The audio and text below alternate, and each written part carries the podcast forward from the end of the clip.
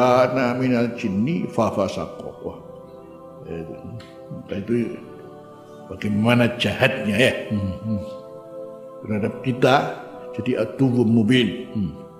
Itu pun masya Allah. Eh, iblis seperti itu. Tapi ketika kemudian harus eh, mendapatkan dambratan-dambratan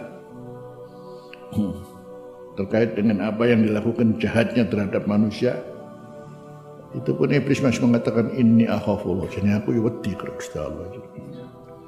Tapi ini sudah eh, menjadikan saya akhirnya harus di, eh, dikutuk oleh Allah.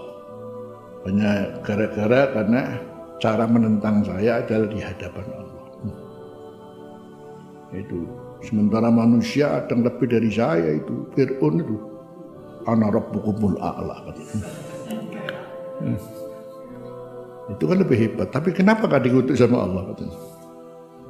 Karena dia bukan menghadapi Allah waktu itu, menghadapi sama Musa aja katanya. eh?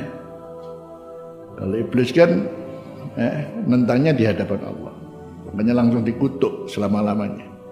Sementara Fir'aun nandingi Gusti Allah. Ana rabbukumul a'la. Tapi gak dikutuk.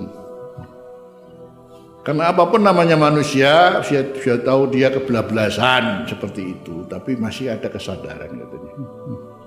Di, di bidangnya.